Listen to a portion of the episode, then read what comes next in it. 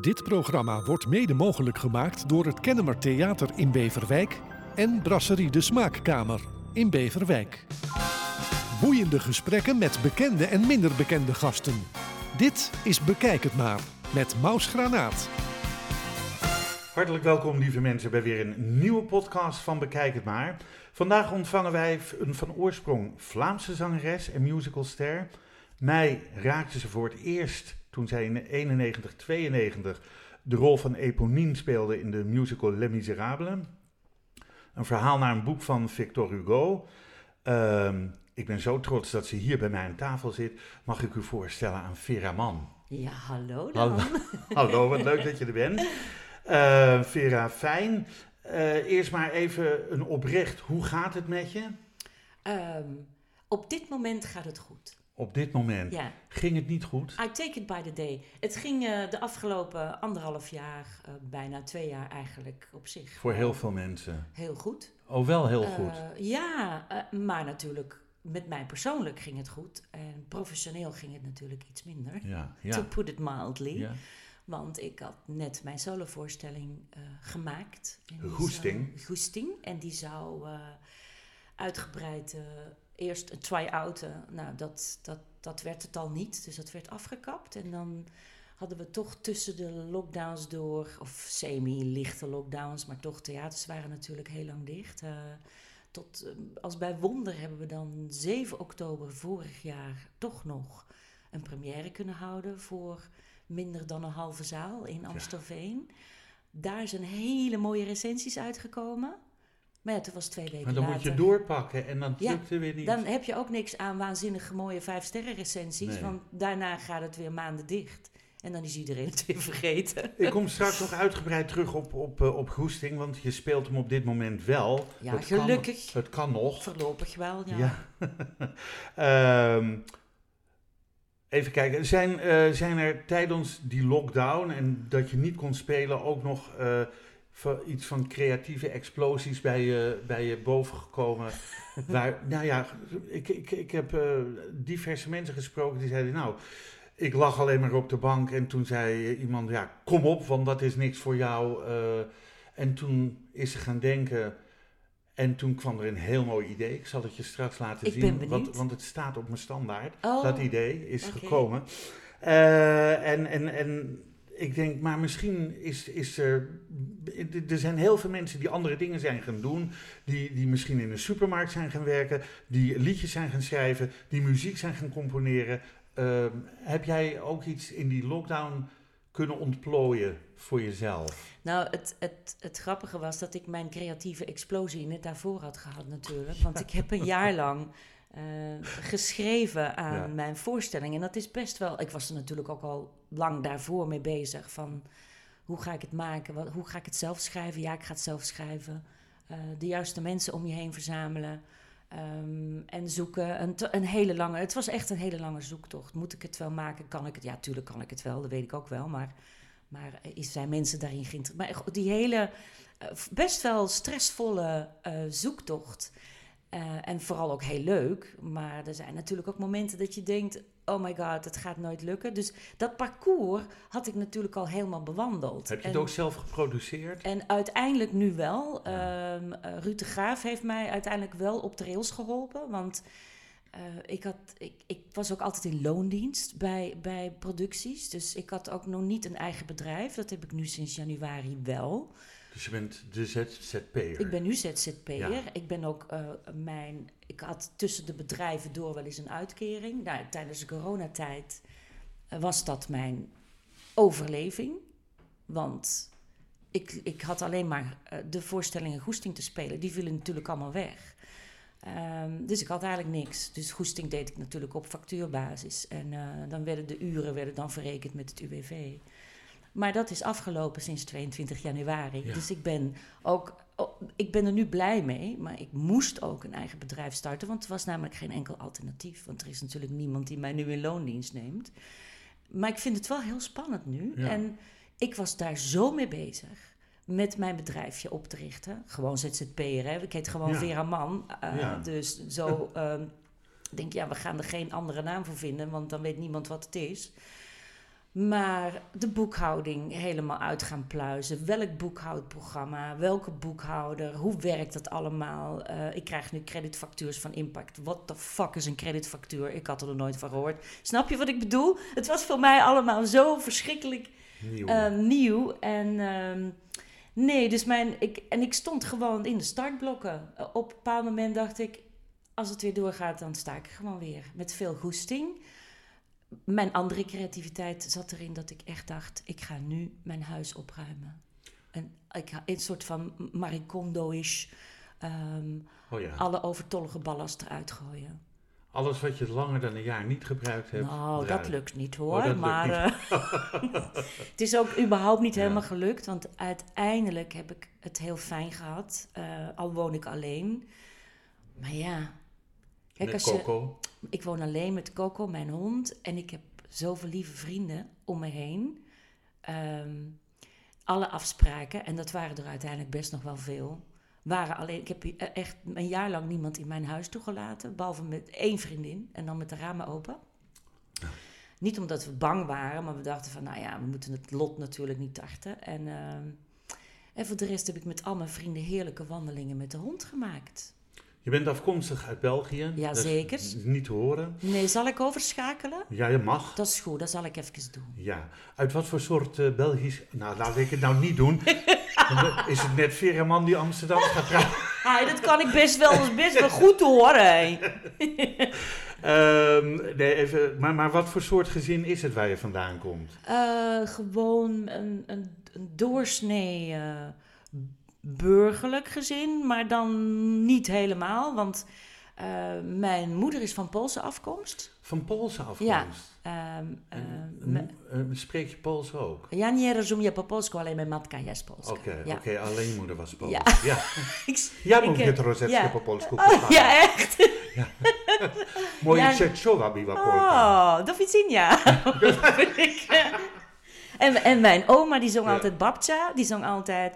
Jeden, dva, kotki, dva, shara, boera, obaj, ik nooit vergeten. Jeden was 1, 2. Ja, kotki, dva is een, een kotki is een kat. kat. Het Ja. Twee katjes. Sarah Boeren, dat snap ik. Ik denk al naar Charles de Boer, maar dat, dat eh, weet ik nog niet helemaal. Dat moet ik nog eens even uitzoeken.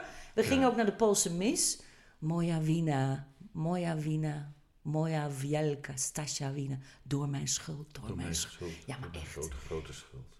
Ik ben dus een beetje in een eh, Poolse traditie, katholieke traditie eh, opgevoed. Voor de helft dan. Ja. En ehm, ik was heel veel bij mijn oma, bij Babcha in eh, Limburg. Mijn, mijn grootouders zijn dus... Mijn grootvader was mijnwerker.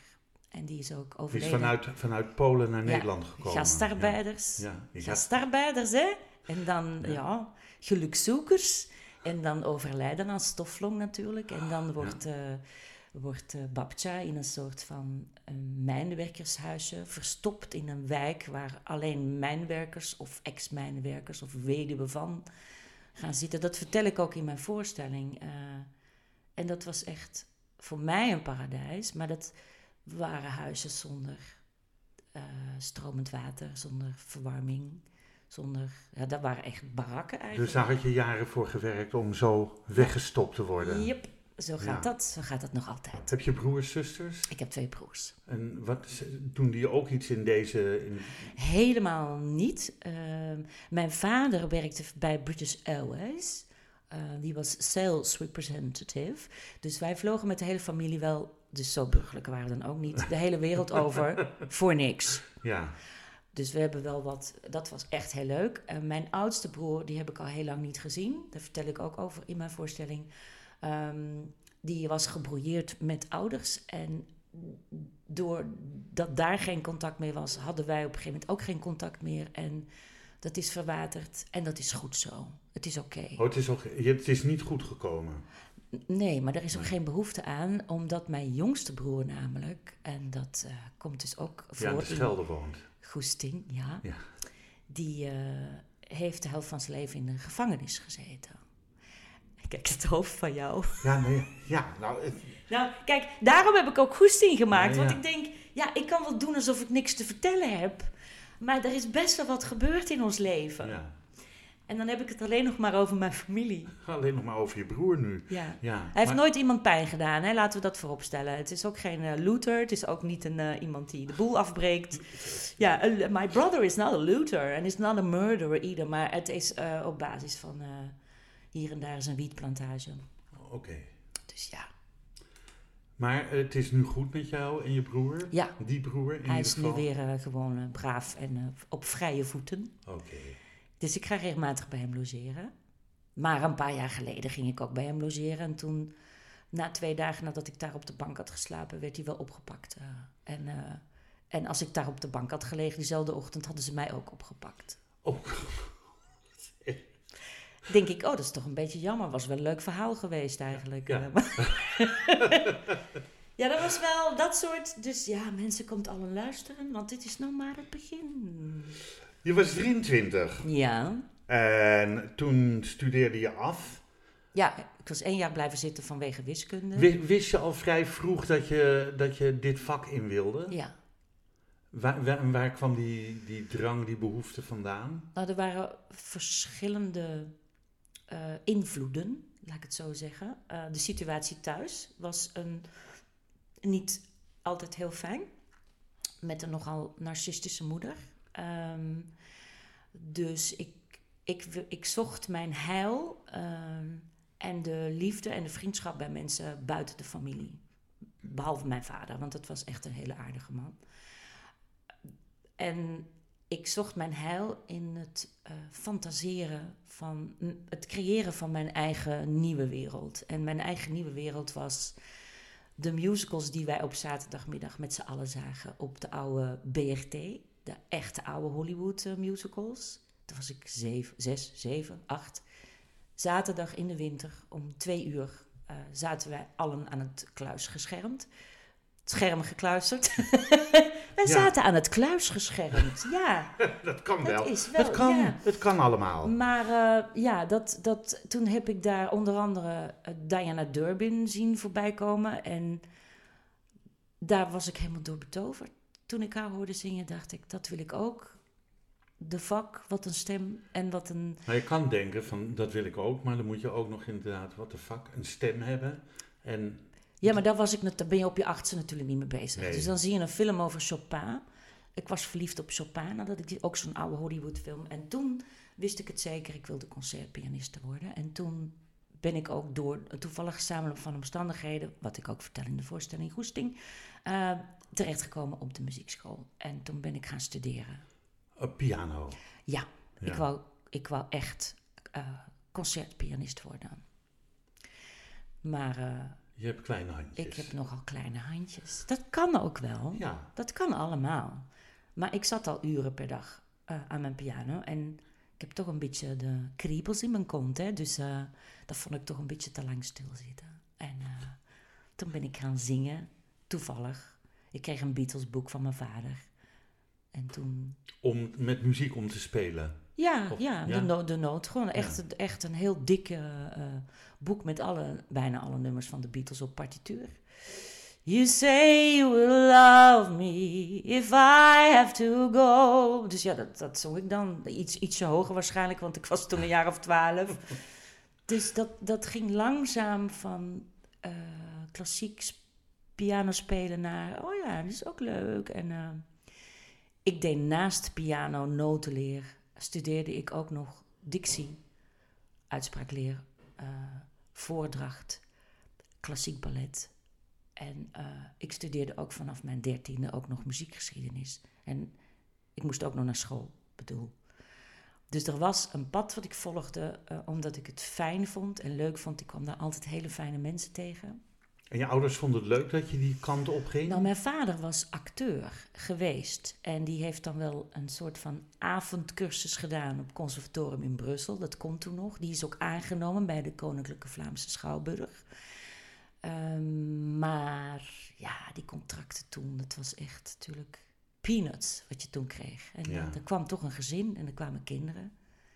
Toen is hij luchtverkeersleider geworden bij Sabena. En later dan bij British Airways gaan werken. Maar hij zag dat zijn dochter wel talent had. Eh, dus hij vond het fantastisch. En Hij hij voedde het ook een Hij- beetje. Nee, eh, ja, hij speelde mandoline thuis. Dat zal ik ook nooit. Die, heb ik, eh, die ligt nu nog in zei van de week nog, ik zeg, vind dat zo'n leuk Ja, instrument. het is zo mooi. Ja, ja. Het is echt zo je mooi. hoort het heel weinig. Ik had hem bijna meegenomen naar Amsterdam, want hij ligt nu bij mijn broer. Mijn vader is overleden en mijn moeder is nu opgenomen in een eh verzorgingstehuis wegens dementie. Dus we hebben het huis leeggemaakt en eh, de spullen verkocht. En natuurlijk ook de familiestukken eh, hebben we nu nog bewaard om Ja. uit te zoeken wat we daarmee gaan doen.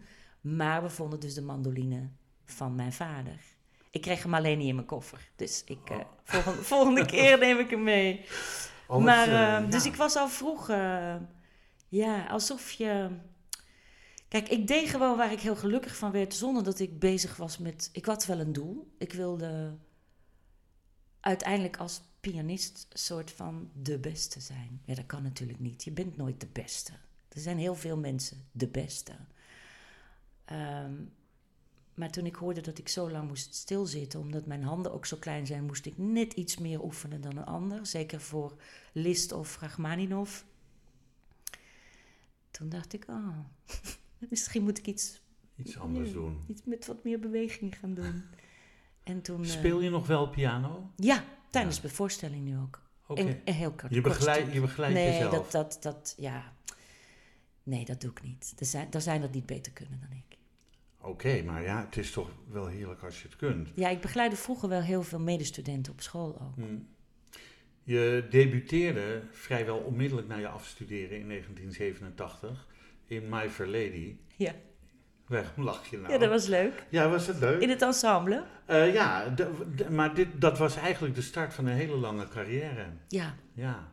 En hoe was het om in een ensemblerol te spelen? ja, heerlijk. Ik wou af en toe dat ik er nog eens terug naartoe kon. Echt. Ja? Het is eh, een hele andere verantwoordelijkheid dan dat je Een rol draagt. echt een rol draagt. Ja. Het is wel iets meer ontspannen, ja.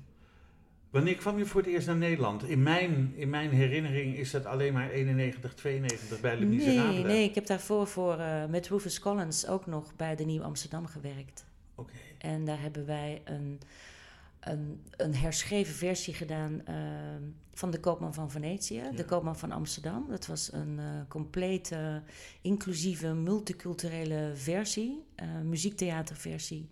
Dus daar heb ik onder andere ook gewerkt met Alida Neslo, waar ik daarvoor, eh, dat was mijn oud-docent van de Studie Herman Terlink. Dus ik vond het nogal wat om met, Geen patiënt, maar docent. ja, docent, ja. Ja. Zei ik dat? Nee, Nee, ik denk al. ik verstond dat. dat Ja, echt? Oh ja, natuurlijk. Oh, dat zouden echt, dat zouden wel typische versprekingen zijn in deze rare tijden, ja. Ja. Nee, dat was een oud patiënt van me. Nee. Ja, het was heel bijzonder. Dat was Ja. mijn eerste keer dat ik ook een tijdje in Amsterdam eh, woonde. Toen was ik meteen mijn handtas gestolen. Dus ik denk, ik wil hier Welkom, nooit. in, Ik- welkom ja. in Amsterdam. Ik wou hier nooit, ik wil hier nooit komen wonen. En toen kwam eh Lemies, Lesmies. Het is heel leuk, want aan Le Miserable bewaar ik een hele mooie herinnering. Ja. Omdat ik in die tijd een, eh, een restaurantje had onder de Torontobrug in Amsterdam. En dat is vlakbij Carré, eh, bij, bij, bij het Tropenmuseum, Ja, aan de Amstel. En jullie kwamen heel vaak bij mij eten. In ieder geval Danny de Munk. Ik weet niet of, of, of jij daar ook bij was. Danny de Munk, Bill van Dijk. Zo'n man of tien kwam dan steeds... eh, dan belden ze van... Ze komen met acht man. En dan zorgde ik dat er voor acht man voldoende eten was. En, eh, dat was dan dus tussen de bedrijven door? Was dat tussen de matinee en de avond of zo? eh, nou, zo, zo rond zessen meestal. Op zondag Voor- of eh, sowieso voor een paar voorstellingen in de week? Ja, ja, ja. ja. In- in Oh de- nee, dat deed ik niet. Dat deed je. Oh, oh. Oké. Goed. ehm, Misschien ook wel hoor, ik weet het niet meer. Het is te lang geleden. we gaan even naar een liedje luisteren. En naar, we gaan luisteren naar ja, het album eh, eh, In de schaduw van Brel. De Ja. voorstelling die je deed met Rob van der Meeberg. Ja. En we gaan luisteren naar het nummer Men Vergeet Niet. Ja, in een vertaling van Brel zelf. Oh, van Brel zelf. Ja, de Vlaamse vertaling van onze Franstalige Vlaming, zoals hij zelf zegt. Franstalige Vlaming. Eh, daar gaan we eventjes naar luisteren. En dan ehm, komen we zo bij. Men vergeet niet, nee niets, men vergeet niemendal. Men vergeet niet of niets, men past zich aan c'est tout.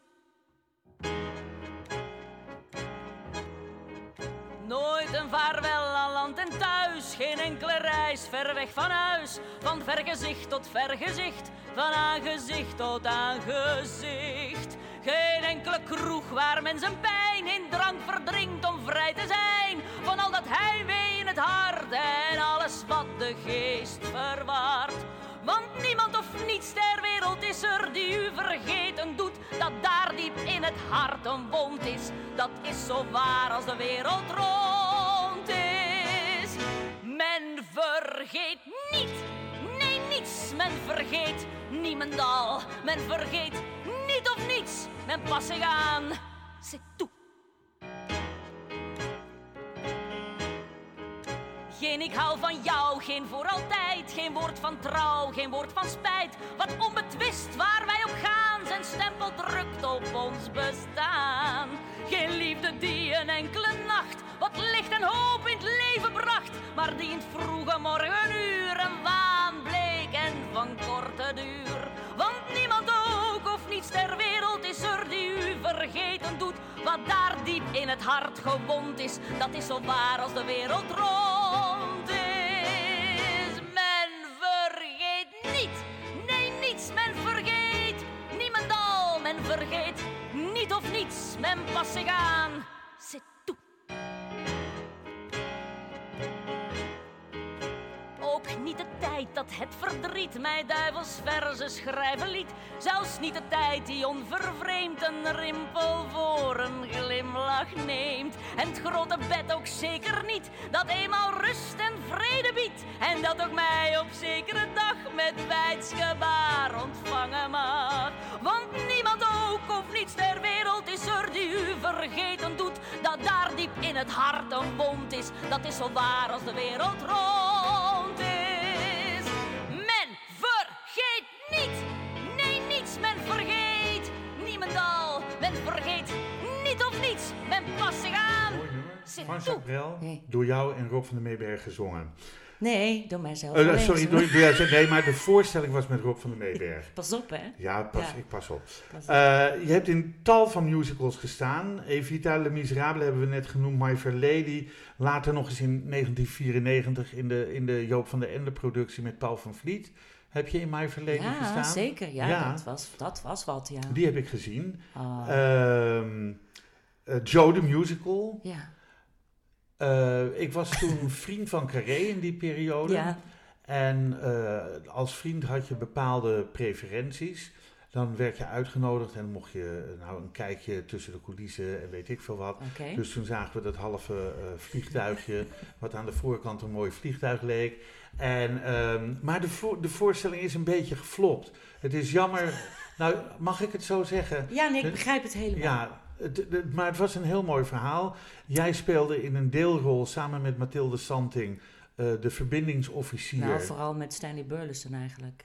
Want Mathilde die kwam twee liedjes zingen, maar Stanley en ik waren constant op het toneel. ja, maar ik... Even ter correctie, hè? Ja, oké, ter correctie. Maar Mathilde had wel eh, het mooiste lied, Inspiratie. wat ze fantastisch deed. Ja, ja. ja. Ehm, ja, ja, ja, maar jammer, je hebt ook in Cats gespeeld. Nou nee, maar ik, daar moeten we het even over Oh, hebben. Want, het- Ja, nee, je- daar ga je natuurlijk niet zomaar overheen. Want Nee. het is wel... Ik vind het ook wel interessant hoe dat dan werkt. Ehm, want ik heb het een aantal keer gezien waarom... Jij zegt... Ik vind het ook wel... Wat ik ook interessant vind is dat je allemaal grote dingen opnoemt die ik gedaan heb. eh, grote musicals eigenlijk. Maar het meeste wat ik gedaan heb zijn geen grote musicals. En ik vind het altijd heel bizar dat in die 36 jaar dat ik nu aan het werk ben, dat er altijd, of bijna altijd, alleen wordt gerefereerd aan De grote de, de Les. Miserables. Kijk, mijn verleden natuurlijk fantastisch, is niks eh, op af te dingen. Eh, Cats, nou ja, ik ben 30 keer opgegaan. Eh, Joe, en dan ben ik het al bijna kwijt. Want ik heb zoveel nieuwe voorstellingen gemaakt. Zoals een Dromen zijn bedrog. Zoals Oh ja, een hero, Hera. Dromen zijn bedrog zijn we allemaal genomineerd geweest voor een musical award. De hele cast, het hele team, terwijl het eigenlijk geen musical was. Of het was in ieder geval een anti-musical, zoals Frank Lammers altijd zegt. Hij was ook de regisseur. Ehm, in de schaduw van Brel wordt bijna nooit aan gerefereerd. De hele reeks concerten. Dat was een prachtige Met- voorstelling. Ja, maar natuurlijk. ja. Maar ik vind het altijd. Ik merk dat ik daar af en toe verbaasd over ben dat. En ik zeg niet dat jij dat doet, hè? Niet per se. Maar dat is in Nederland wel heel erg frappant. Dat als je. En misschien ook logisch. Als je al die publiciteit krijgt voor al die gigantische grote musicals, waar zoveel geld in gepompt wordt, waar een enorm bedrag is om de PR te doen, dan is dat wat het publiek natuurlijk van je ziet. En dan is het dat waar je eigenlijk nooit meer van afkomt, in zekere zin. Niet dat ik de stempel musical, dat ik daarvan af wil komen. Maar ik heb ook toneelstukken gedaan. Ik heb mijn eigen... Ik heb Je hebt mijn- Diana gedaan. ik heb mijn solo-voorstelling Diana gedaan. En dat is weliswaar twintig jaar geleden.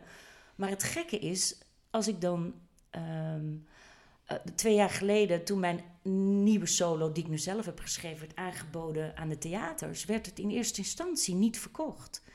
Vera Man, solo. En denk ik, ja, hallo. Ja, hallo. Het is toch bizar eigenlijk, hè? Dat je, dat je alleen. eh, dat er steeds echt alleen wordt gerefereerd aan de grote dingen. Dat zeg, dat, zeg, dat zeg je correct, want eh, ik zeg ook altijd dat Nederland heel slecht is in het, ehm, in het eren van zijn, van zijn eh, acteurs en actrices. Ehm, ik, ik noem altijd als voorbeeld, hoor je Robert Long nog wel eens op de radio, hoor je Benny Nijman nog wel eens op de radio. Ja, Eh, ik bedoel, het zijn allemaal mensen die, die heel veel betekend hebben Ja. in de theaterwereld. Als iemand er niet meer is, worden ze hier vergeten. In Amerika is dat zo anders. Ja. Daar worden mensen, eh, nou ja, Bob Hope wordt nog steeds eh, geëerd. Danny Kay wordt nog steeds geëerd daar. ja. Nou ja, Lisbeth List die moest ook weer uit de mottenballenkast worden gehaald. Dat heeft ook nog best lang geduurd.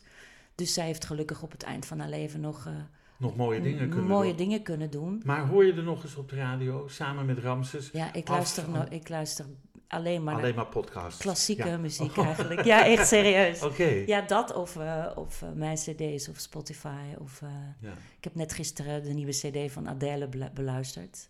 Van Adele. Adele. Oh, Ja, nee, jij dacht Adele Bloemendaal. Nee, Adele nee, niet Adele Bloemendaal. Nee. nee, dat had ook gekund. Nee, Ade- Adele, sorry. Ja. Ja, ik noemde gewoon Adele. De, en, en hoe heet die? Ad- Adele 30 nu? Of- 30, yes, Oh, darling. Hello. Het is prachtig. Ja, oké. Ehm, Maar snap je een beetje wat ik, bedoel? nee, ik, snap, ik snap wat je bedoelt. Ik heb, bij, ik heb bij Joop van den Ende theaterproducties in die afgelopen 36 jaar zes musicals gedaan. Of misschien zeven.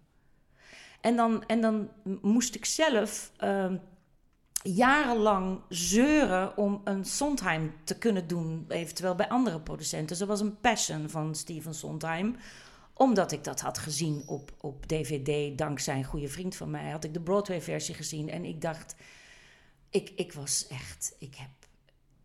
Mijn hond, mijn vorige hond, mocht toen nog niet op de bank bij mij. Eh, mijn Weimaraner, Luna. Maar ik was zo de kluts kwijt toen ik die Broadway-versie had gezien. Dat, dat Luna uiteindelijk na vijf maanden toch. Kom maar hoor, kom maar bij mij. Helemaal die lange oren, helemaal nat van mijn tranen. Omdat ik zo onder de indruk was. En toen heb ik er jarenlang om niet gesmeekt, want zo ben ik niet. Maar wel van jongens, waarom doen, gaan we dit niet doen in Nederland? Want het hoeft niet allemaal groot en veel en alleen maar leuk. En, en dat was het ook niet. Maar, maar dit soort, bijna een kameropera is het dan. Ja, nou ja, niemand durfde. En het grappige is, ehm, en dat heb ik echt aan Joop te danken. Ik was naar de première van Mamma Mia. eh, de première met de Simone. Hè, daarna heb ik het ook nog ook overgenomen gedaan, ja. van haar en ook in Antwerpen het grote feest mogen vieren. Maar ik was al zo met passion bezig van waarom kan dat niet in Nederland? Wat is dat toch? En, en toen kwam ik Joop tegen in de bar en ik, ik, ik, ik, vertelde, ik vertelde hem over mijn frustratie daarover. Ehm, en toen vroeg ik aan hem, heb jij het gezien eigenlijk Joop? En toen zei hij, ja, ik heb het op, Broadway gezien en, en volgens mij had hij het in Londen ook nog gezien. Dus ja, prachtig. En ik zeg, ja, en waarom is er niemand die, die, die het lef heeft om dit te doen in Nederland? Maar ik heb het nooit tegen hem gezegd met intentie. Eh, om, om het hem... Ik heb nooit gedacht dat hij het zou doen. Mhm. Omdat ik dacht, eh, juist hij niet, uiteraard. Want eh, commercieel gezien is dat Nee. absoluut niet interessant. Dus omdat mijn intentie zuiver was, ehm, belde hij mij de volgende dag op. En toen zei hij, Vera, we gaan het doen. Ik heb er Oh. nog eens over nagedacht. Nou, En toen zei ik, ik wist gewoon niet wat mij overkwam. En toen zei ik tegen hem van ja, dat is natuurlijk fa- fantastisch. Het verbaast mij heel erg. Ehm, maar dan is er één iemand waar ik mee wil spelen. In de zin dat hij mijn Giorgio moet zijn en dat is Stanley. En toen zei hij, maar Stanley is al bezet. Die zit al in een andere voorstelling. Ik zeg, ja, maar die produceer jij toch ook?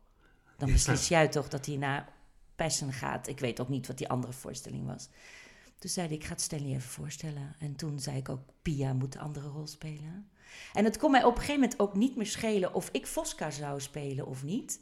maar Het dat je hem kon spelen. Nee, dat, ik hoefde hem zelfs niet eens. Dat hij überhaupt in Nederland zou komen met wie dan ook. Dat vond ik het allerbelangrijkste. Dat er een totaal ander soort. Maar dan is het toch mooi dat jij daar onderdeel van mag zijn. Het is eh, uiteindelijk natuurlijk fijn Ja. dat ik eh Fosca kon spelen. Ja. Maar als dat niet was gelukt, dan had ik het ook oké gevonden. En uiteindelijk was het. eh, hebben theaters, en zo werkt het dan. Dat vind ik ook weer heel interessant. Ook het, Passion meegenomen in de abonnementen. We stonden wel in grote zalen. Het was uiteindelijk toch een soort van kameropera. Ja. Maar de theaters moesten wel hun vaste publiek een brief schrijven. Een, een mail toen, of een brief toen, weet ik niet meer. Eh, zoals eh, Nel nog van Gouda. Gouda was drie dagen uitverkocht. Maar mensen dachten, soms denk ik echt dat het publiek een beetje dom is, sorry. Maar mensen dachten, oh, Stanley, Pia en Vera zitten erin. Nou, dat wordt gezellig. ja. Dat wordt dan- dansen. ja, dat wordt dus heel en dat wordt echt heel erg eh, teppen. Maar, men- maar mensen eh, lezen zich dan ook niet in. En daar ben ik echt. Daar kan ik zo verbijsterd over zijn dat je niet weet waar je naartoe gaat. Ja, je wil het toch weten waar je naartoe gaat. Ja, ik wil het altijd weten. En ik ga zo vaak naar, naar ook andere. Ik ga heel vaak naar eh, collega's kijken. Ik ben ook een fervente. Nou ja, fan klinkt echt een beetje ziekig. Maar ik probeer zoveel mogelijk van toneel op Amsterdam te zien, bijvoorbeeld. Ik ga eh, binnenkort naar Come From Away kijken. Ja. En daar heb ik, Ik heb heel hem veel zin gezien, in. ja. ja, ja. ja, echt een mooie musical. Kan ik iedereen Ja. aanraden. En Lavinia Meijer is een goede vriendin van mij, dus ik ga Ja, zo. Kristen. Ik ben ook eh hele grote bewonderaar van Philip Glass. En, en ook van, van mijn lieve vriendin Lavinia, want dat is, wij hebben het altijd. Wij zijn ook zo totaal verschillend, hè? In wa- waar we vandaan komen, maar we hebben eigenlijk toch dezelfde passie en eh, de liefde voor muziek. Dat is het belangrijkste, Heel belangrijk. ja. Ehm, welke musical ehm, waarin je gespeeld hebt, is jou zo bijgebleven dat je denkt, daar bewaar ik zo'n mooie herinneringen aan? Dat zijn echt hele moeilijke. ehm, vroeger zou ik altijd gezegd hebben Peter Pan. Oh ja, M- maar dat komt niet alleen door de ongelooflijk leuke cast en het hele prettige samenwerking met de Engelse regisseur Piers J. Robinson. Maar dat kwam ook door het vliegsysteem. Eh, het vliegen überhaupt. Maar waar in Nederland is dat natuurlijk weer het eerste land waar de Arbo komt kijken. En dat je als enige Peter Pan over de hele wereld, als enige met twee harnassen moet vliegen in plaats van met één. Dus dat was wel een beetje veel gevloek en getier. Dus dat hele vliegsysteem moest helemaal aangepast worden. Eh, terwijl het allemaal gezekerd was en je kon, er kon je echt niks gebeuren. Ehm, maar los daarvan zijn er momenten in Peter Pan die, ik, die op mijn netvlies staan gebrand. En dat is onder andere eh, dat ik aan de zaal vroeg, hè, wat natuurlijk vooral kinderen waren, of ze wilden, eh, of ze elfjes bestaan wilden roepen. Op het moment dat Tinkerbell doodgaat. En dan zie je de kracht van de verbeelding. Want die, er zijn nu nog nu volwassen, of bijna volwassen mensen die mij aanspreken, nu, die het toen gezien hebben toen ze vijf of zes waren. En dat is zo indrukwekkend van jij, jij zal voor altijd mijn Peter Pan zijn. En, en die, die mensen die hebben die voorstelling, die zijn die voorstelling ook nooit vergeten. Want wat er gebeurde, onder andere, uh, we eindigden in Carré. En dat is toch een indrukwekkende zaal. Dus als dat helemaal vol zit, met zeg maar voor 60% met kinderen van 4 tot 50. Laten we hopen dat ze dat gevoel nooit kwijt zijn geraakt in ieder geval. En je rent door de zaal heen om te vragen of ze willen roepen en schreeuwen en klappen om Tinkerbell te laten leven. En die kinderen, die gaan, die, die riepen zich echt het, het hart uit de keel, want die geloofden het zo. En die kracht van de. Ik heb, ik maar dat zegt ook wat over jullie spel. Ook, ja. maar het, het zegt ook heel veel over theater. Ook. En, en over hoe nodig het is. Uh, om die, om die. We hebben het nodig, dat soort mooie verhalen. En om kinderen even in een totaal andere wereld te zetten. En ik heb het ook wel. Dat is dan weer de andere kant. Ik had ook. Uh, ik kon alleen maar vliegen met. Uh, of de andere kinderen konden alleen maar vliegen met elfenstof. En er was ooit een jongetje, wat uh, zoontje van, uh, van de technicus, geloof ik. Die kwam na de voorstelling naar mij toe. En uh, kan jij echt vliegen? Weet je wel dat? ja, Peter Pan wel. Ja, maar mag ik ook vliegen? Ja, natuurlijk mag jij ook. Als je dat wil. Dus toen legde ik uit. Want dat hebben, je kan alleen maar vliegen als je elfenstof hebt. Omdat vroeger, honderd jaar geleden, kinderen ineens uit het raam sprongen omdat ze dachten dat ze Peter Pan, hè, dat ze dus ook konden vliegen. Dus dat elfenstof is erbij verzonnen. En ik geef dat jongetje op de rots van Peter Pan en kapitein Haak. Hij doet zijn hand open. Ik zeg, hier heb je een heel klein beetje elfenstof. Maar dat is te weinig om te kunnen vliegen. Want ja, ik zeg het maar voor alle zekerheid. En toen duwde ik zijn vuistje zo dicht. Van neem dat maar mee naar huis en dan kan je dat in een potje naast je bed leggen. Toen begon hij keihard te roepen en te schreeuwen en te huilen. Ik wil niet vliegen! Oh. Ik ben bang! en dat was ik ook helemaal zo van, oh nee, geef me terug, geef me, het is oké, het is oké. Ja. Maar dat zijn, oh, dat was echt zo. Maar, oké, dat was Peter Pan. Um, dromen zijn bedrog, om daar eens op terug te komen, vind ik dan ook wel weer heel erg. En die gaat niet over uh, Marco Borsato? Nee, zeker niet. Nee, nee. nee, Integendeel misschien. nee, dat was, een, uh, was wel een, zoals we zeggen, een jukebox musical. Ja. Maar dan met uh, Nederlandse popmuziek. Heerlijk, ja. Ook Nederland. Het is niet Nederlandstalig, maar Nederlandse popmuziek.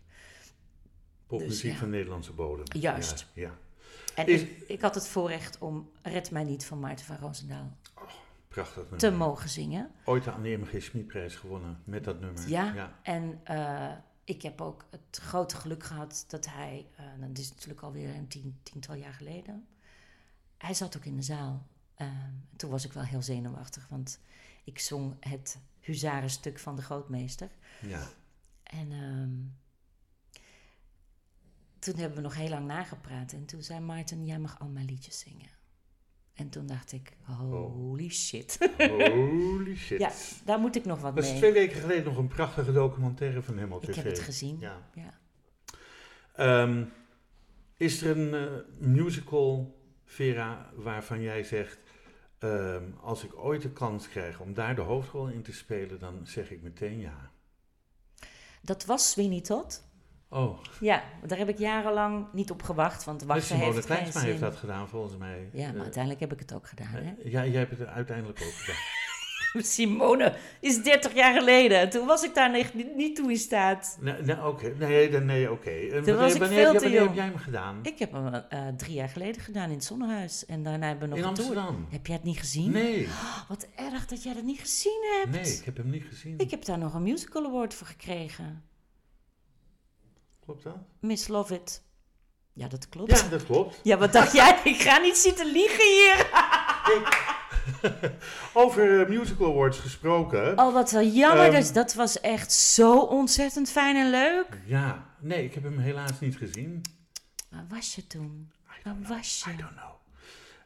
Um, zou je zo ooit zelf een musical willen schrijven? En zo ja, waar zou die musical dan over gaan?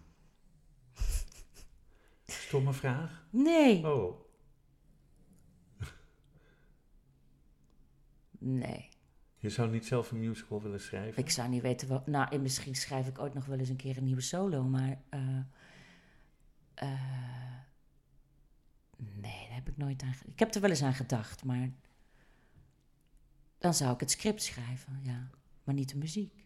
Nee, het, het verhaal. Verhaal. Het verhaal, ja. Niet, iedereen- niet Nou, iedereen is bij macht om Nee. muziek te schrijven. Nee, en als ik zo om me heen kijk af en toe originele voorstellingen, dan denk ik.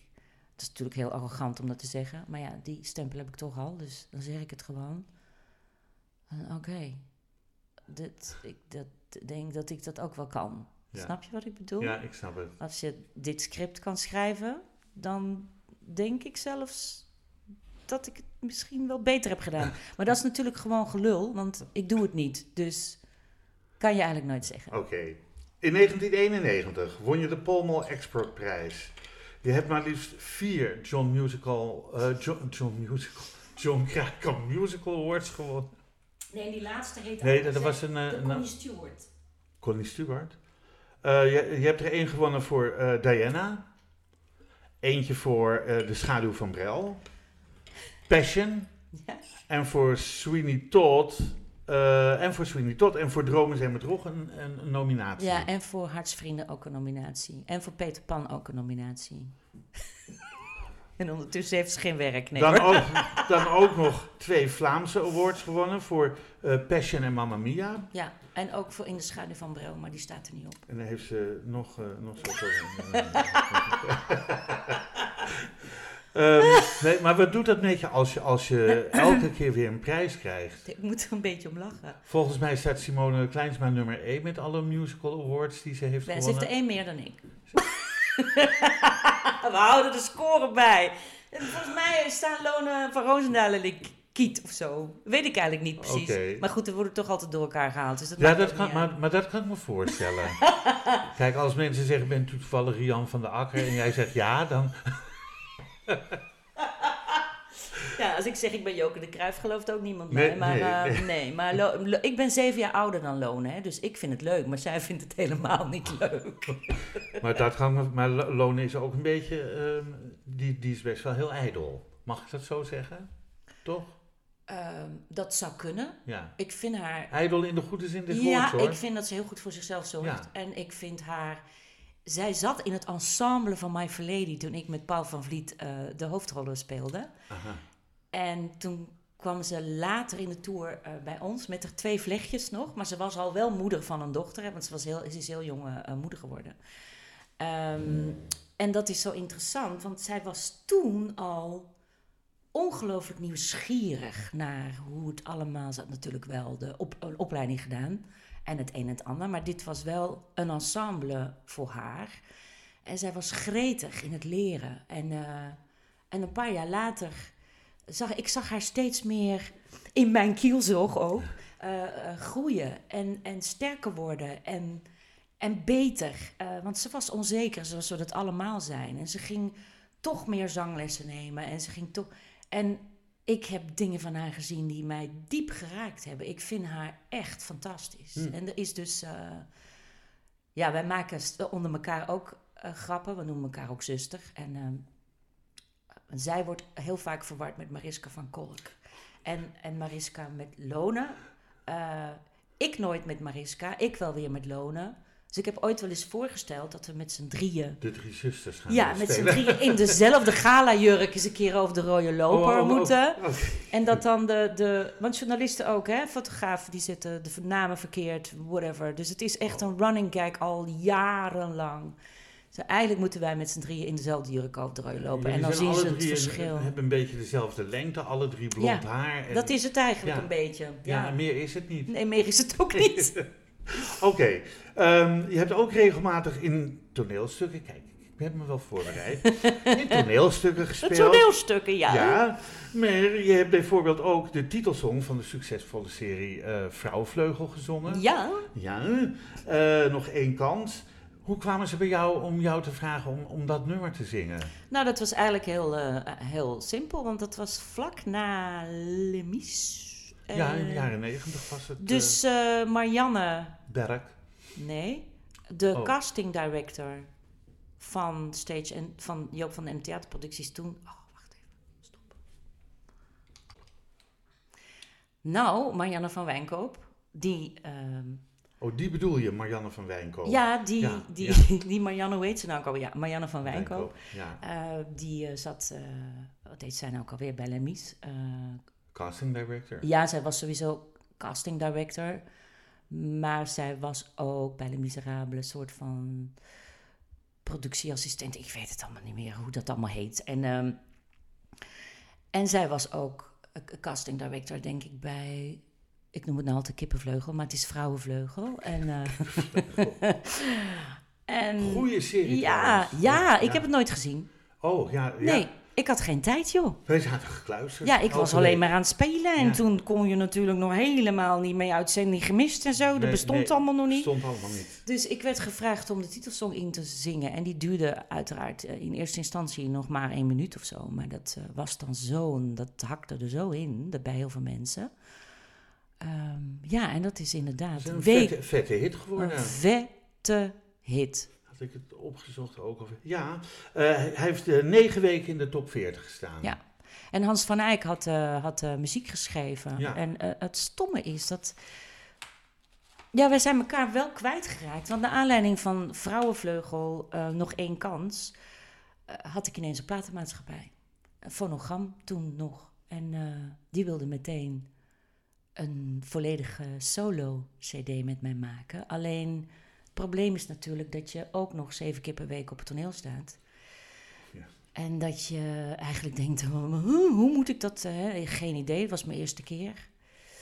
Dus er zijn een paar mensen opgesprongen die dan voor mij muziek wilden maken. Ik heb Hans van Eyck toen wel afgewezen.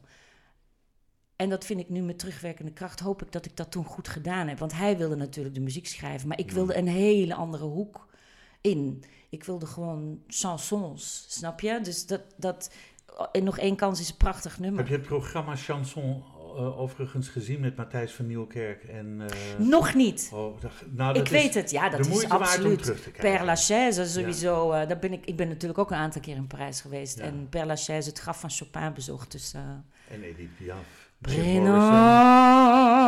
de rien. Ja, joh. Heerlijk, heerlijk.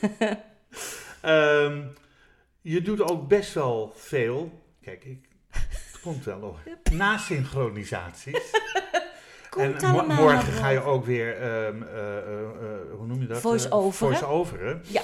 Ehm, waar, eh, waar- werk je meer in Nederland of werk je meer in België? Ik werk nu sinds een aantal jaren voornamelijk in Nederland. Ja, ja.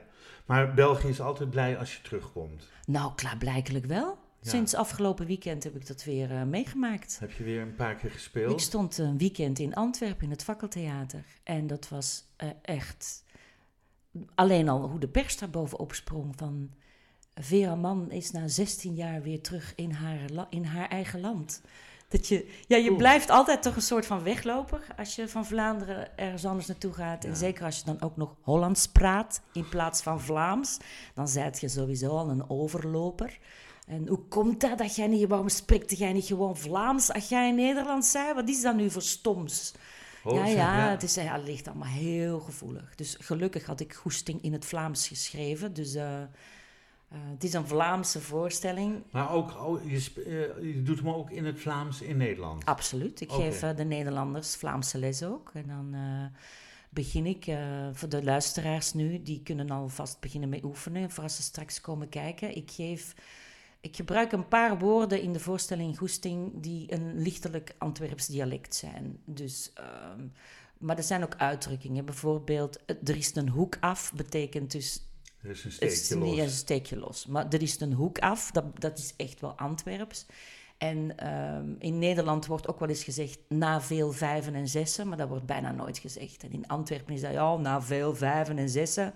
Dus dat is ehm, na lang wachten of na een tijdje. En wat ik heel frappant vind, is bijvoorbeeld ehm, mosterd na de maaltijd.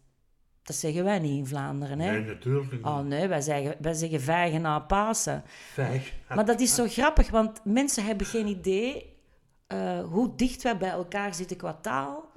Maar hoe verschillend we eigenlijk zijn. Toch ook, wel- kijk, ik ga direct weer Vlaams praten. Ehm, omdat we spreken dezelfde taal, maar er zitten andere zinsconstructies in. Er zijn andere woorden. En dan natuurlijk vooral in dialect, want het algemeen Nederlands is over het algemeen hetzelfde. Maar hoe vaak ik moest nadenken van...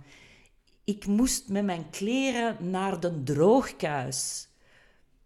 Geen kip die in Nederland wist wat een droogkuis is, maar dat is gewoon de stomerij.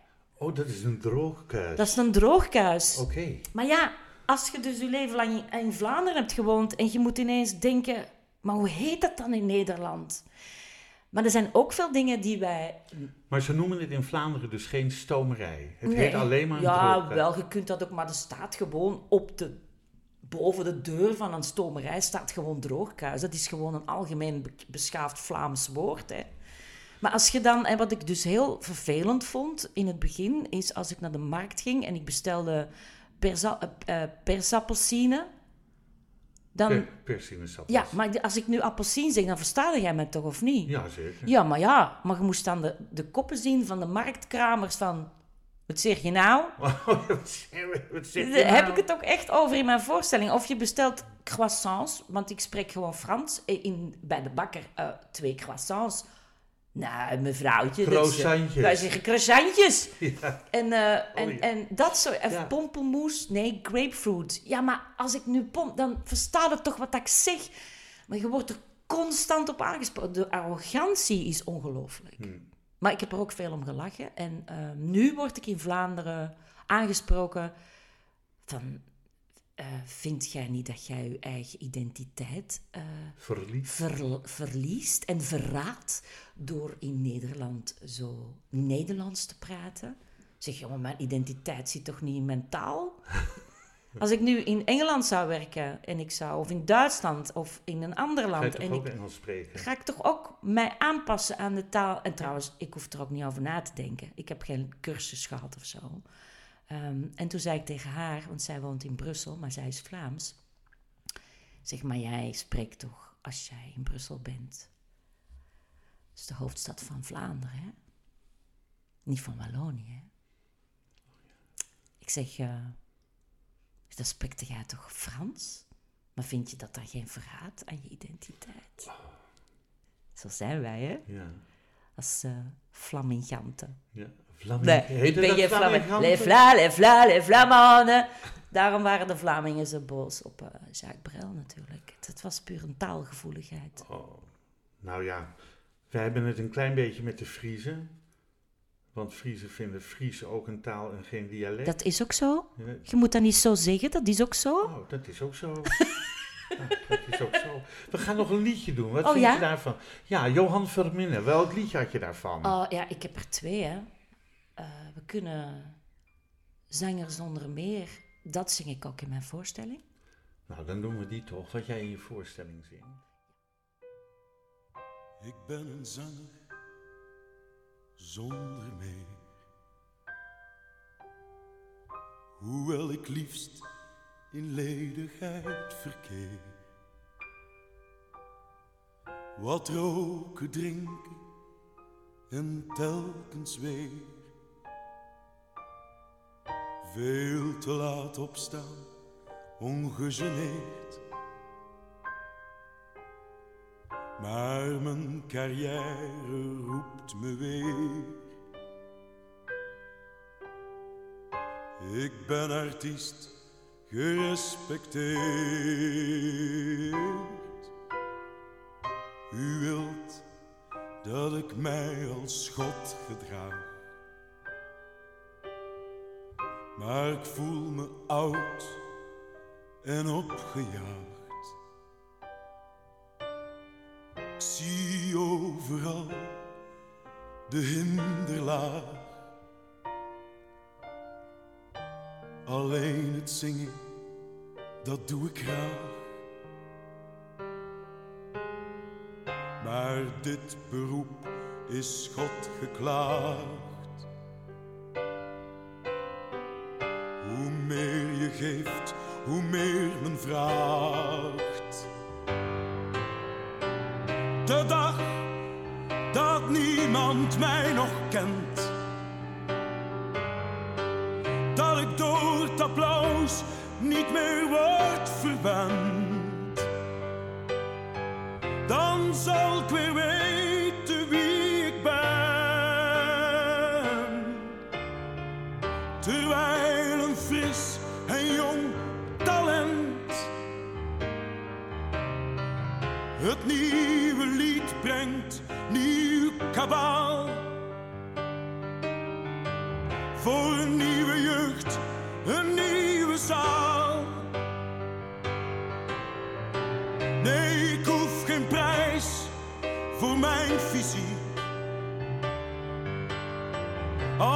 Het maar klikt met mijn publiek. Ik heb zo'n maling aan kritieken. Het zijn zo'n kneusjes, sympathiek. Ik wil niet speciaal zijn, excentriek.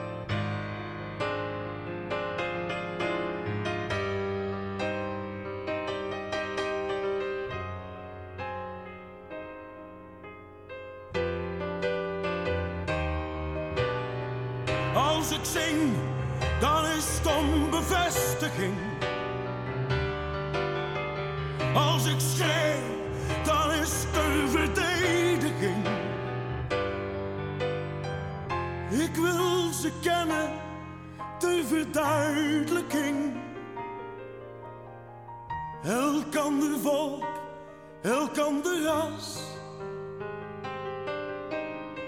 Voor ik verga tot stof en as.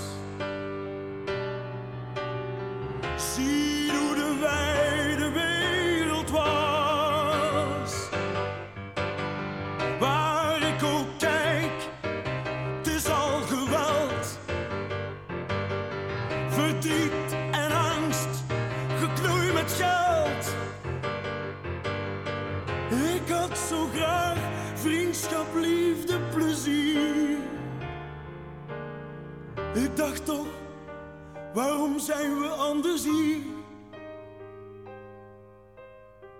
Ik ben geen artiest, gerespecteerd. Ik ben een zanger zonder meer. Zonder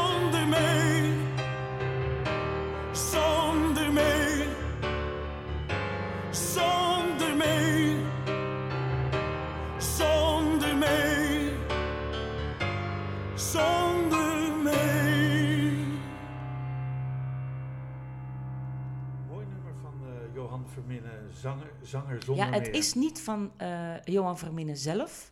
Het is van... eh, Je gaat weer Vlaams spreken. Ah ja, maar natuurlijk. Ah ja. Ja. Het is van eh, zanger zonder meer eerst oorspronkelijk. Dat zoek je wel even voor me op. Ik kan zijn naam niet onthouden. Maar het is een Franse zanger die is helemaal niet zo heel bekend in eh, Nederland of België. Raymond van het Groene Woud heeft origineel de vertaling gedaan. Die heeft het ook eerst gezongen. Daarna Johan Verminnen. Johan Verminnen is een oud docent van mij. En toen dacht ik ook... Ik ben een zanger zonder meer. Een die het liefst in ledigheid verkeert. Wat lezen, drinken en telkens weer. Veel te laat opstaan, ongegeneerd. Maar mijn carrière roept wel eens.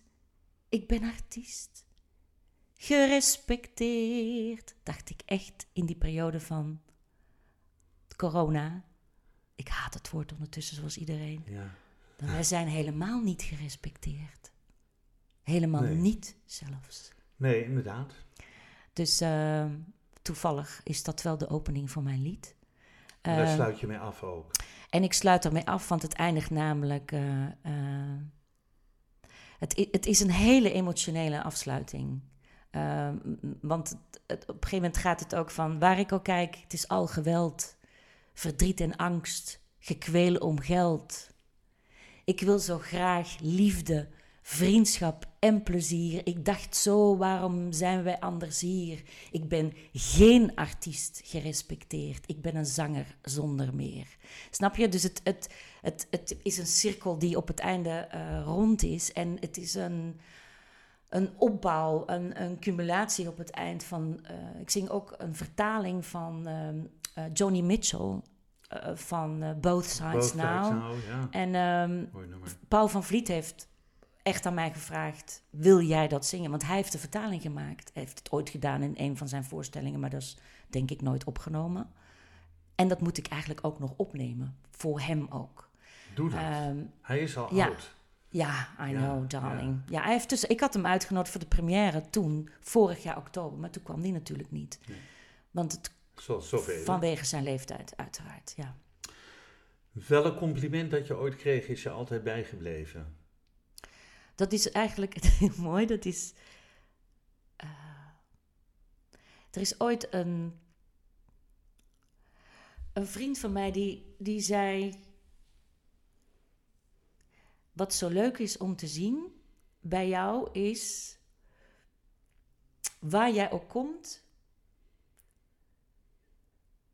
Als ik dan naar jou kijk en ik zie de mensen om jou heen, dan zie ik dat iedereen bijna een glimlach op zijn gezicht heeft.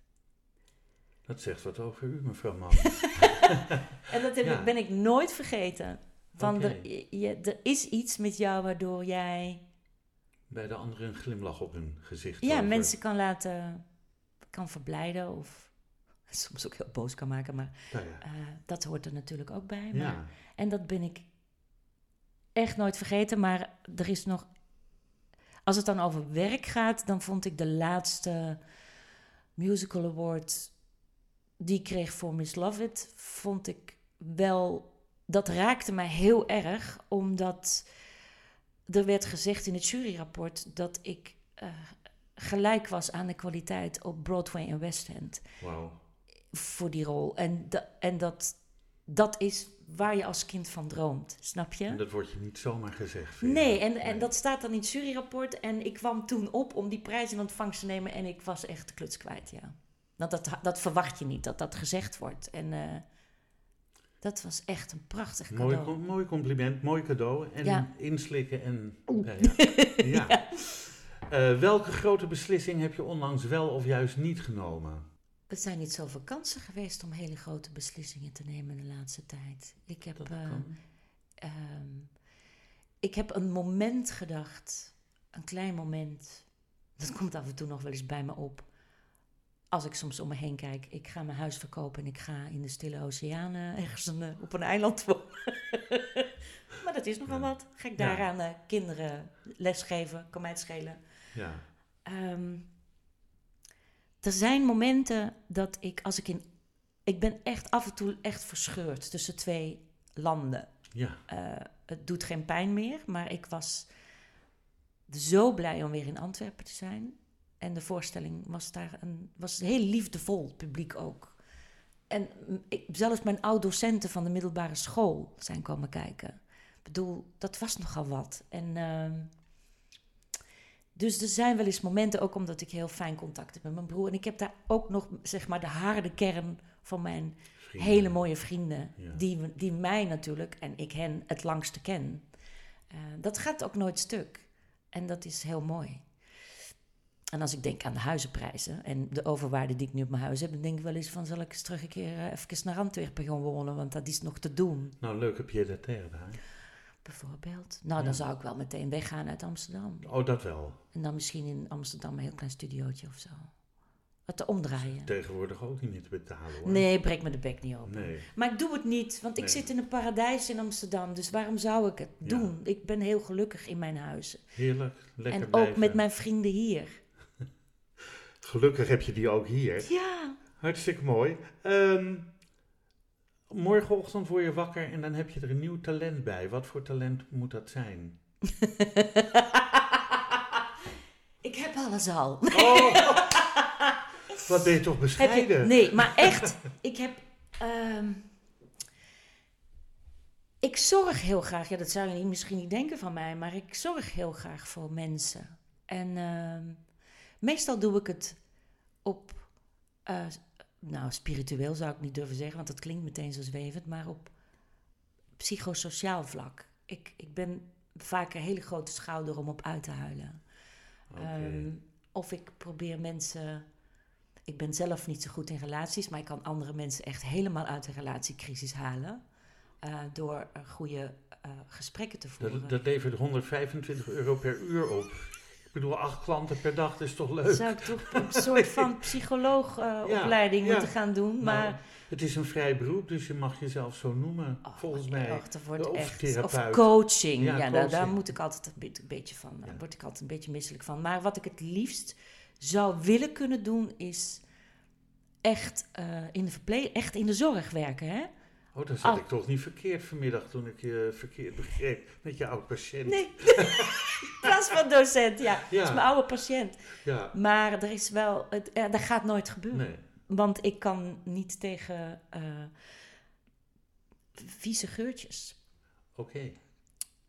Ik ga echt over mijn nek. Dat gaat niet. Nee, dat gaat niet in Dat, gaat, dat kan niet. Daar ruik je Je zal maar over een patiënt heen kotsen. Dat is toch helemaal niet tof? Of die patiënt over jou. Ja, ook. Of samen tegelijkertijd. Nee, dat wordt een gezellige boel. Ja, Ehm, dus dat. Je zit... ehm, we, ge- we geven jou één kans om... eh, Nog één- één kans. Ja, sorry hoor. Oké. Sorry. Ja, vrouw Vleugel weer. Ja, Ehm, nog één keer. Ja, ga maar door. kan ik nou één keer? Nee, jij bent voor één dag minister-president van Nederland. En je mag één ding in Nederland veranderen. Jij zit op de stoel van eh, Mark Rutte en je mag één ding veranderen. Wat zou je veranderen? Nou, ik denk dat Mark Rutte daar natuurlijk niet alleen over gaat. Maar eh, ik heb eh, enkele dagen geleden de documentaire gezien over Jason. Over de... oh, ik heb, moet hem nog zien. Ja, over die jongen die zich automutileert en... ja, Het gaat over jeugdzorg. Hè? ja, Het gaat over jeugdzorg plus. ja, Over kinderen die getraumatiseerd zijn ja. En letterlijk in een gevangenis terechtkomen. Kinderen van 12. In plaats van dat ze begeleid worden ja. en dat ze eh, geholpen worden met hun trauma's. Het is een hartsverscheurende documentaire. En ik ben zelf ooit in een ondertussen ver verleden ambassadeur geweest voor Stichting Pleegzorg.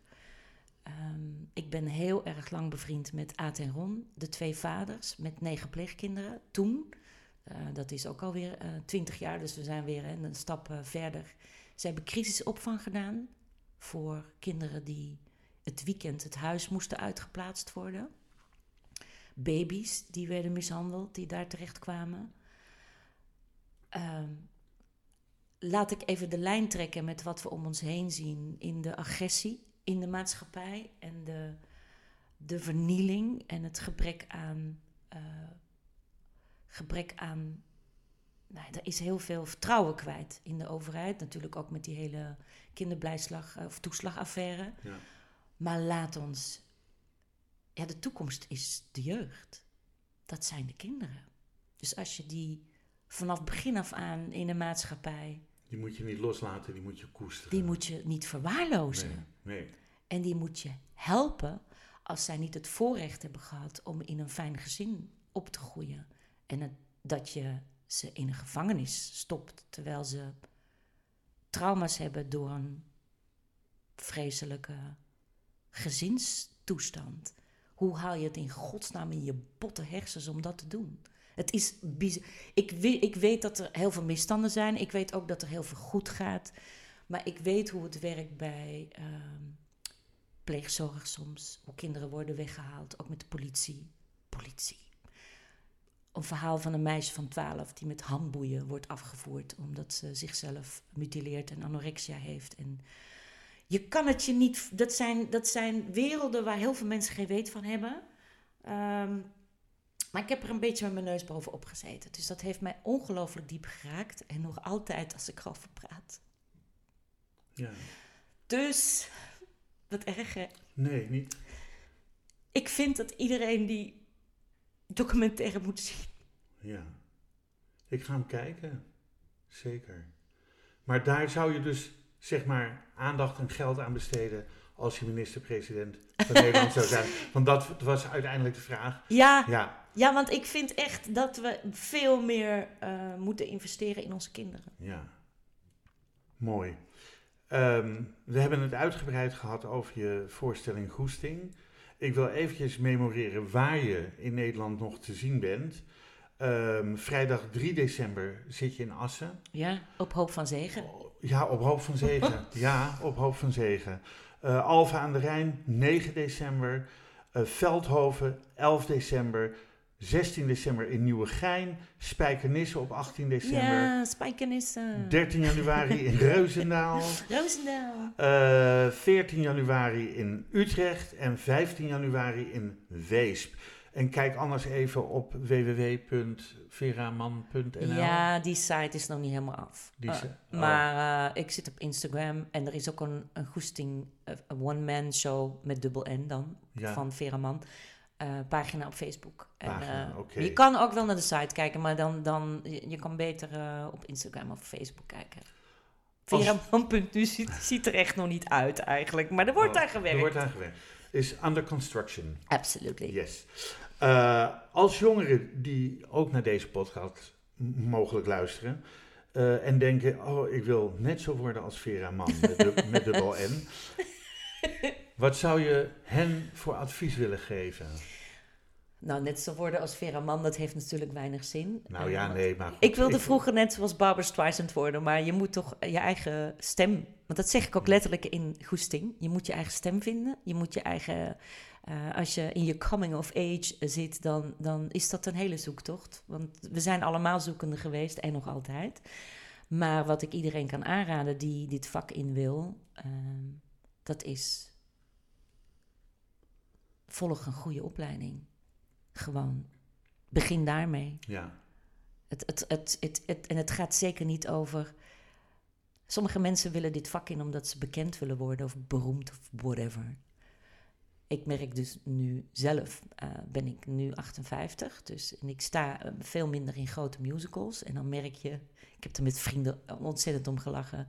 Ik ben gedegradeerd van A-ster naar naar B, naar C. B-acteur. C-ster. Maar ik noem mezelf nu Zeester. Zeester. Ja. Ja, geweldig. Ehm, zijn er dingen die je zelf nog kwijt wil, waar we het niet over gehad hebben, maar waarvan je zegt, dat wil ik toch nog even kwijt? Nou, dat ik, dat ik het heel jammer zou vinden als.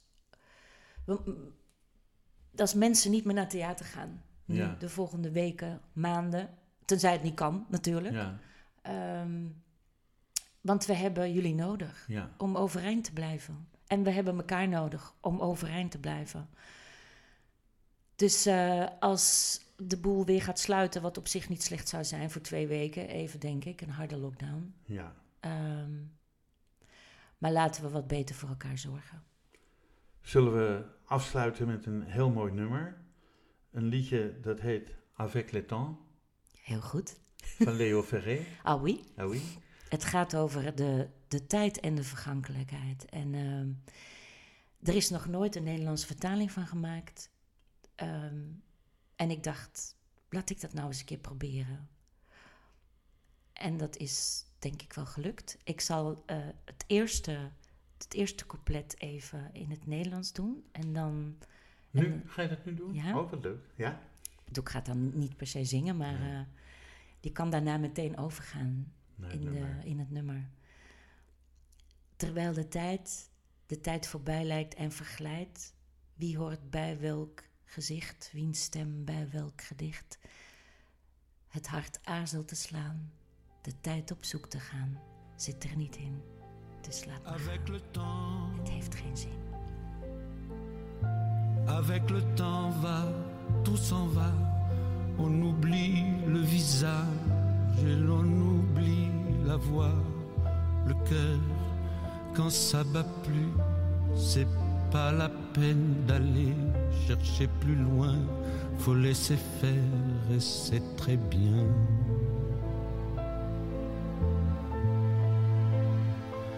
Avec le temps,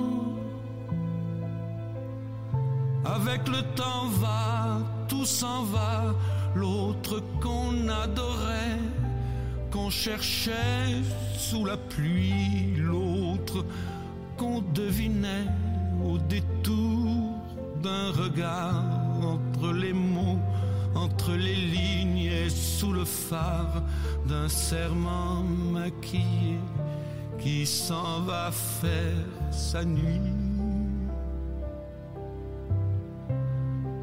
avec le temps.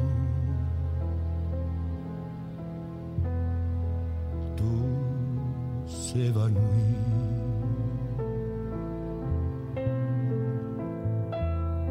Avec le temps,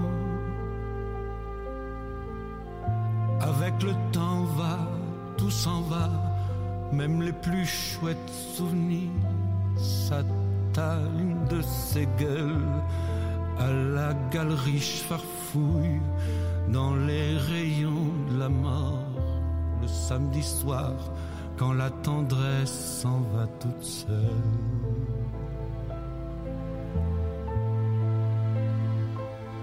Avec le temps, avec le temps va, tout s'en va, l'autre à qui l'on croyait pour un rhume, pour un rien, l'autre à qui l'on donnait du vent et des bijoux pour qui l'on eût vendu son âme pour quelques sous, devant quoi l'on se traînait comme traînent les chiens. Avec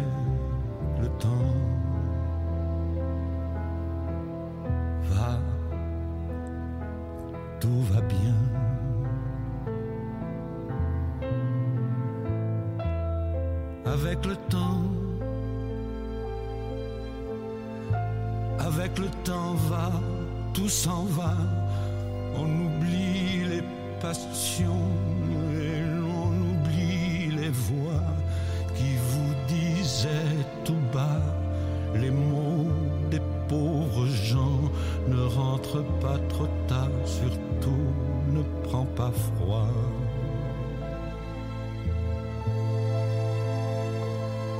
Avec le temps,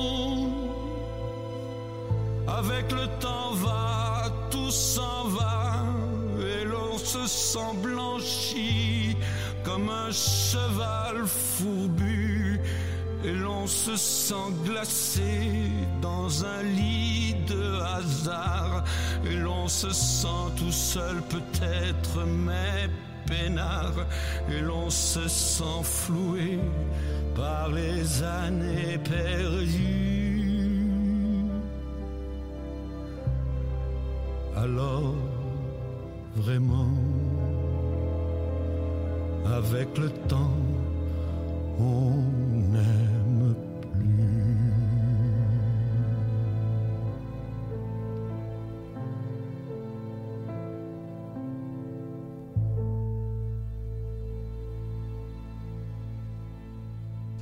Je niet mooier kunnen afsluiten.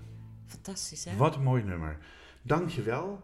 Ik, Gedaan. ehm, Maus, na al die jaren, eindelijk eindelijk na al die jaren. En ik, ik hoop je nog heel vaak te mogen zien, want ik vind je een geweldige vrouw. Oh, dankjewel. Vera Man, ik wil je bedanken voor je komst. Ik wil je heel veel succes wensen. Niet alleen met je soloprogramma Roesting, maar ook wat je daarna gaat Ja, doen. er zijn nog grootse plannen, die worden binnenkort aangekondigd. Nou, ik hoop tot ziens. Ik kan in ieder geval zeggen dat deze podcast wordt uitgegeven door de Vrijstaat Roots. Alles is na te lezen op www.bekijkhetmaar.com. Dank voor het luisteren en wat mij betreft heel graag tot de volgende podcast. Dit programma werd mede mogelijk gemaakt door het Kennemer Theater in Beverwijk en Brasserie de Smaakkamer in Beverwijk.